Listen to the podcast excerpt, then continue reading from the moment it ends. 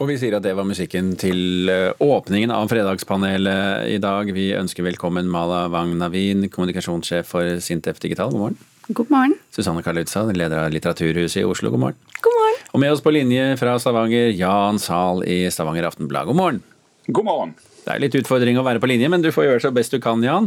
Vi går til spørsmål nummer én i dag. Denne uken kom det jo frem for mange kulturinstitusjoner at det faktisk har lønnet seg å holde stengt under pandemien.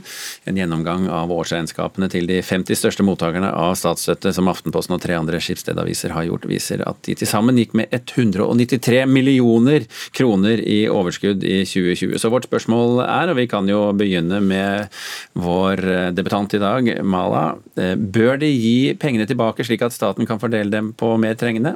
Ja. Hmm, nei. Jan? Nei. Da skal du få lov til å begynne, Mala. Ja, nei, Denne her måtte jeg tvile meg frem til. og jeg tenker jo altså, I, i praksis så blir det jo et slags nei, men, eh, men, eh, men man må være litt sånn prinsipiell her, da. Eh, og tenke seg tid til at Ok, det var Tommyball i fjor. Man visste ikke hva man sto overfor av budsjetteringer og permitteringer osv. Men, men nå som man vet det, så kan man ikke bare øse ut pengene og si det går bra, vi ses på den andre siden av dette. Man må faktisk distribuere det rettferdig. Jan Zahl. Ja, på en måte så hadde det kanskje vært rimelig å si at de skulle betale de tilbake. Men nå har det vært litt klabb og babb i den statlige utbetalingen av masse støtte. Og det har ført til masse forsinkelser. Sånn, sånn at det som har skjedd til nå, er ikke et argument for at vi skal sende det tilbake til staten en gang til, og så skal de ha nok en sånn runde. Men de institusjonene bør bruke de pengene på en måte som tjener de som tapte mest på denne korona pandemien i, i, Norge. Og det er frilansere og folk som ikke har fast jobb på en institusjon. Mm. En som sitter og bruker statlige penger, Susanne Kalutza. Eh, og penger vi tjener selv, to be fair. Eh, nei, altså Jeg er jo helt enig med Jan i at eh, disse pengene åpenbart må komme kunstnere, kulturarbeidere, frilansere til gode. Det er de som har vært uh, veldig hardt rammet av uh, nedstenging og, og, som har strevd økonomisk. Jeg tror at det mange syntes var litt pussig, det var at de store statlige kulturinstitusjonene permitterte. Og selv om de har sine styrer og budsjetter, og det kunne framstå lurt i et mikroperspektiv, så var det rart at de som har hele inntekten sin fra staten, skulle liksom flytte de kostnadene over på Nav når folk kunne stått i jobb og laga enda mer bra og viktig kulturinnhold til folket. Og det kan vi ha en egen diskusjon om, men i denne sammenhengen så er det utrolig viktig å tenke på hvor mye kultur. Vi får for lite penger i dette landet. Og det er jo ikke snakk om pamper, dette her. Det er jo snakk om viktige lokale institusjoner som Bergverksmuseet, Rogaland Teater, Nordlandsmuseet, Stiklestad Nasjonale Kultursenter. Og det er snakk om rundt 50 selskaper som i snitt gikk 3,8 millioner i pluss, som de da kan bruke nå på å lage godt kulturinnhold. Og til sammenligning som jeg syns er viktig, det er at krisepakkene som gikk til oljeselskapene, det er tallfesta til 39 milliarder kroner. Og samtidig har de fått tatt ut utbytte Oljeselskapet Lundin økte f.eks. utbyttet med 80% til over 4 milliarder kroner, til tross for at de fikk store summer fra denne oljepakka. Og da tenker jeg at eh, jeg hører ikke eh, politikerne fyre seg opp over denne oljepakka, eh, selv om det skulle brukes til å hjelpe arbeidsfolk og sikre jobber og ikke milliardutbytte. Så ja til mer arbeid til kulturfolk. Dere visste jeg kom til å svare langt på dette. Eh, og nei til utbytte fra meg. Ble du overbevist, eh, Wang Navin? eh, altså, Susanne er veldig god på å overbevise, men altså, det er ikke sånn som det sto i Aftenposten, så ble faktisk kulturministeren konfrontert med dette allerede i april i 2020. Så helt tom i ball har det heller ikke vært. Og så tenker jeg at man kan ikke bare vise til oljebransjen og si sånn Ja, men hva med de? Altså, det, det gjør det ikke Two wrong doesn't make one right. Ta denne debatten utenfor studio etterpå. Vi skal videre nemlig til spørsmål om den britiske regjeringen som nå vil innføre en lov som åpner opp for å straffe rasistiske og hatske kommentarer i sosiale medier. Det vil også bli stilt krav om å fjerne og avgrense innhold om terror, selvmord og seksuelt misbruk av barn. Så spørsmålet vårt er lovforbud mot ytringer er det riktig veien å gå, Jan Sahl? Dette kommer til å kreve et resonnement etterpå, men jeg får si ja. Susanne Karlutza. Jeg eh, tenker det samme som Jan. Langt resonnement og nei. Mala Wang Navin. Ja, det er langt resonnement. Dette er en stor debatt å svare kort på, men eh, jeg tenker nei her. Ok, Jan, kom med resonnementet ditt. Ja, poenget er, altså jeg er jo veldig for en voldsom ytringsfrihet. Og så vet jeg at alle som sier det, eh, og så kommer det et sånt men. Og tingen er at Det finnes jo grenser for ytringer, uansett hvordan du snur og vender på det. Sånn er det i Norge. Det er eh, et, et vidt vid ytringsfrihet, men det er satt noen grenser, som f.eks. Eh, skiller mellom eh, holdning og handling, altså oppfordring til terror og drap og, og, og skade og sånne ting. Um, det er noen begrensninger som handler om ærekrenkelse, det som kalles for hatefulle ytringer.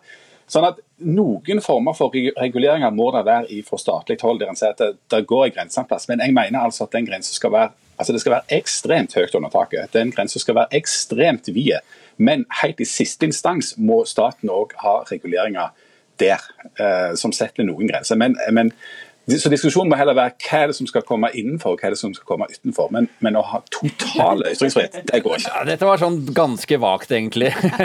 Kalitza, kan du presisere? Ja, nei, altså Jan sier jo veldig mye klokt. Eh, lovforbud mot ytringer skal vi vokte oss vel mot. Eh, selv om vi har begrensninger i den, i den norske straffeloven i dag.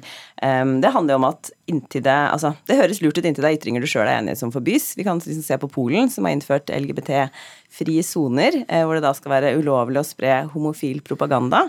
Men det som er spørsmålet her, er jo ikke egentlig eh, lovforbud mot ytringer. Det er i hvilken grad tekstselskapene har plikt til å ta ned ulovlig innhold, og konsekvensene om de gjør det. Og I Tyskland eh, har de f.eks. innført en sånn lov allerede. De var tidlig ute. Eh, og mange land følger etter. Og så er det noen som er skeptiske, så klart, fordi at selskapene da risikerer å sensurere for mye.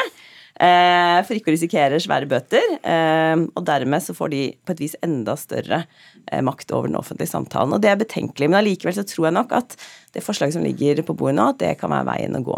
Vi må ansvarliggjøre Facebook og co. mer. Veldig fint at vi har kommunikasjonssjefen for Sintef Digital i studio akkurat nå. Mala Wang Navin, hvorfor falt du ned på det, du? du altså, dette er en komplisert eh, debatt som begge to har vært inne på her nå før meg. Men altså, det, dette er en veldig sånn slippery slope. Altså, man, hvis man åpner for noe, hvor, hvor setter man grensene? Hvor, hvor, er, hva skal man ta vekk da, ikke sant? Og jeg ser mot uh, verdens største demokrati, India, hvor man bl.a. med et pennestrøk har gitt myndighetene all makt over tekstselskaper og, og, alt som er av online news. Og det, det, er en stor trussel overfor journalister og pressen generelt. Så jeg er ikke så positiv til at man skal åpne for dette. Ja, det bør være noen uh, regler, og, men, men, å gjøre det lovpålagt, det er jeg skeptisk til. Det skaper altså britene her et, eh, den britiske regjeringen her et problem for seg selv, med andre ord? Ja, de kan faktisk gjøre det. Altså, og så er det jo dette altså Man har jo diskusjonen som er, pågår i USA nå, med sånn biased eh, moderering. Altså, hvem, altså, man ser jo at tech-selskapene lener seg mot venstresiden. Det har alltid vært republikanernes store problem at eh, de faktisk føler seg sensurert. Da. Så hvilken, eh, hvilken, politisk side skal man tillate å ha, å ha free speech, altså ytringsfrihet? Mm. Kort kommentar, Jan?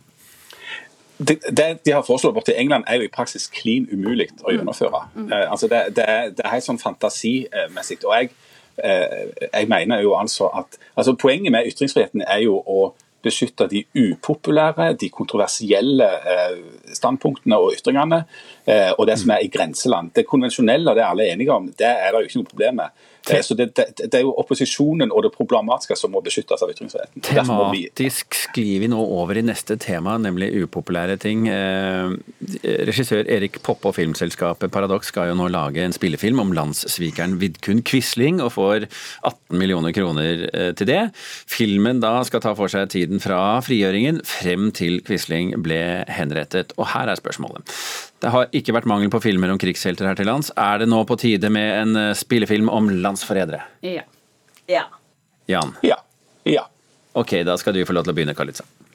Nei, jeg tenker jo at det er bra med alt som er med på å nyansere synet vårt på andre verdenskrig. Um, altså, Hylle helter, det er inspirerende og fint, uh, men det er jo å forstå hva det er som gjør at folk velger feil, uh, som er det som, uh, som er viktig for ettertiden. Da. Hva er det som gjør at noen utfører onde handlinger?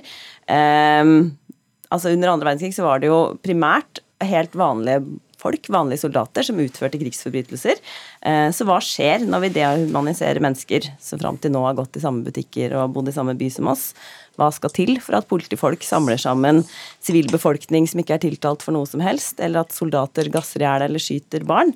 Det tenker jeg jo fortsatt er høyaktuelt i dag, da. Mm. Jeg synes at eh, altså, På et generelt grunnlag så er jeg litt lei krigsfilmer. Jeg syns det er så mange samtidige problemstillinger som hadde vært så mye mer interessant å bore i. Men det er klart, eh, det har litt å gjøre med at det er Poppe som skal lage filmen, faktisk, for min del. Fordi jeg syns han lager gode filmer. Og jeg tror han kan bore inn i den problemstillingen her med liksom utviklingen av hva som egentlig skjedde i den norske folkesjela. hvordan kunne man, altså Quisling var jo ikke alene. Det var jo flere som mente det samme, og som forfektet de samme synspunktene. Så hvis han klarer å knytte det fint til vår, altså, vår situasjon i dag, da, ikke sant, med den eh, opp, fremveksten vi har sett fra høyresiden rundt om i verden, så tenker jeg at det kan være, være interessant. Mm. Ja, jeg vil jo ikke ha filmer som hyller verken helter eller skurker, men jeg vil ha filmer og kunstneriske uttrykk og, som, som, problematiserer og nyanserer og går inn i, i, menneskene på alle slags sider, og, sånn at vi forstår, de, forstår hva som skjedde. Og Det er jo ingen tvil om at Vidkun Quisling er jo et svært fascinerende menneske å eh, bli kjent med og forstå noen ting av. Men det er ikke snakk om å lage noe hylling verken av han eller av noen andre, burde det vært i hvert fall. Det ville vært en helt elendig film. Jeg må bare skyte i den. altså, jeg er enig med, enig med, Mala i det meste, unntatt at jeg er ikke lei av eh, krigsfilmer eller bøker om andre verdenskrig. Jeg tenker at det aller beste er når vi kan bruke historien til å opplyse samtiden. Mm. Er det en film dere kommer til å se, tror dere? Ja. Definitivt. Ja. Definitivt. Ja, ja. Men da ønsker vi eh, Erik eh, Poppe lykke til. Jeg er helt sikker på at han hører på noe, for han hører på Nyhetsmorgen. Det vet jeg. Eh, og tusen hjertelig takk, Mala Wang Wien, Susanne Kaluza og Jan Zahl, for at dere var fredagspanelet i dag.